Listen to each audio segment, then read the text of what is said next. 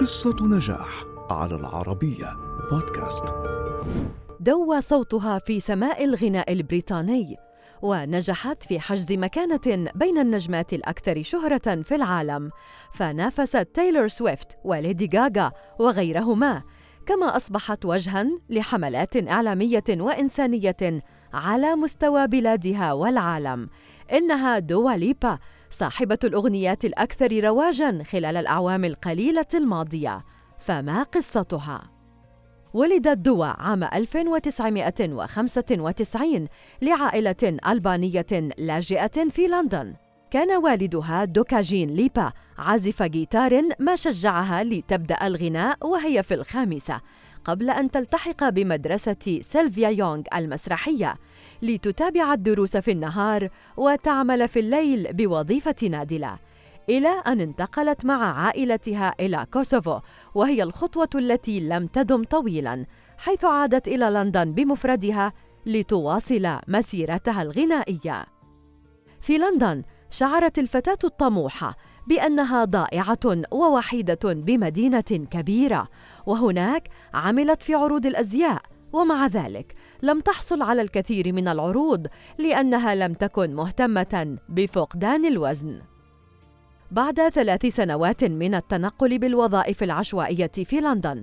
وفيما كانت ليبا تنشر أغلفة أغانيها المفضلة على حساب خاص في يوتيوب وقعت عقدا احترافيا مع شركة وارنر براذرز لإنتاج ألبومها الأول.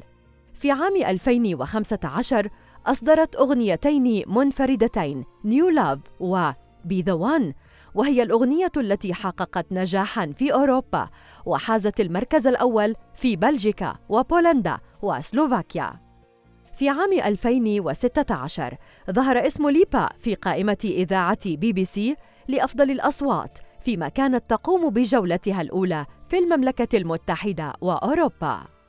في عام 2017 أصدرت ألبومها الأول الذي حمل اسمها وكان لديها أربع أغنيات منفردة كان أهمها New Rules التي حلت بالمركز الأول في المملكة المتحدة وكانت الأكثر مبيعاً حتى الآن.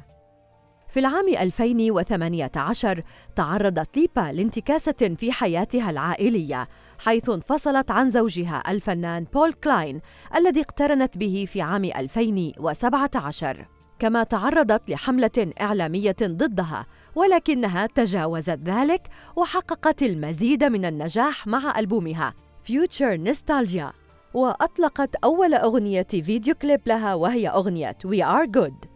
حتى اليوم لدى ليبا أكثر من ثلاثين أغنية فردية والعديد من الأعمال الفنية التي أهلتها لنيل جوائز فنية مهمة ولعدة مرات مثل جائزة جرامي وجائزة بريت وام تي في كما تتصدر قائمة Billboard Music Award لعام 2022 وفي رصيدها ثروة تقدر بنحو 35 مليون دولار بعد أن كانت تعمل نادلة في مطعم.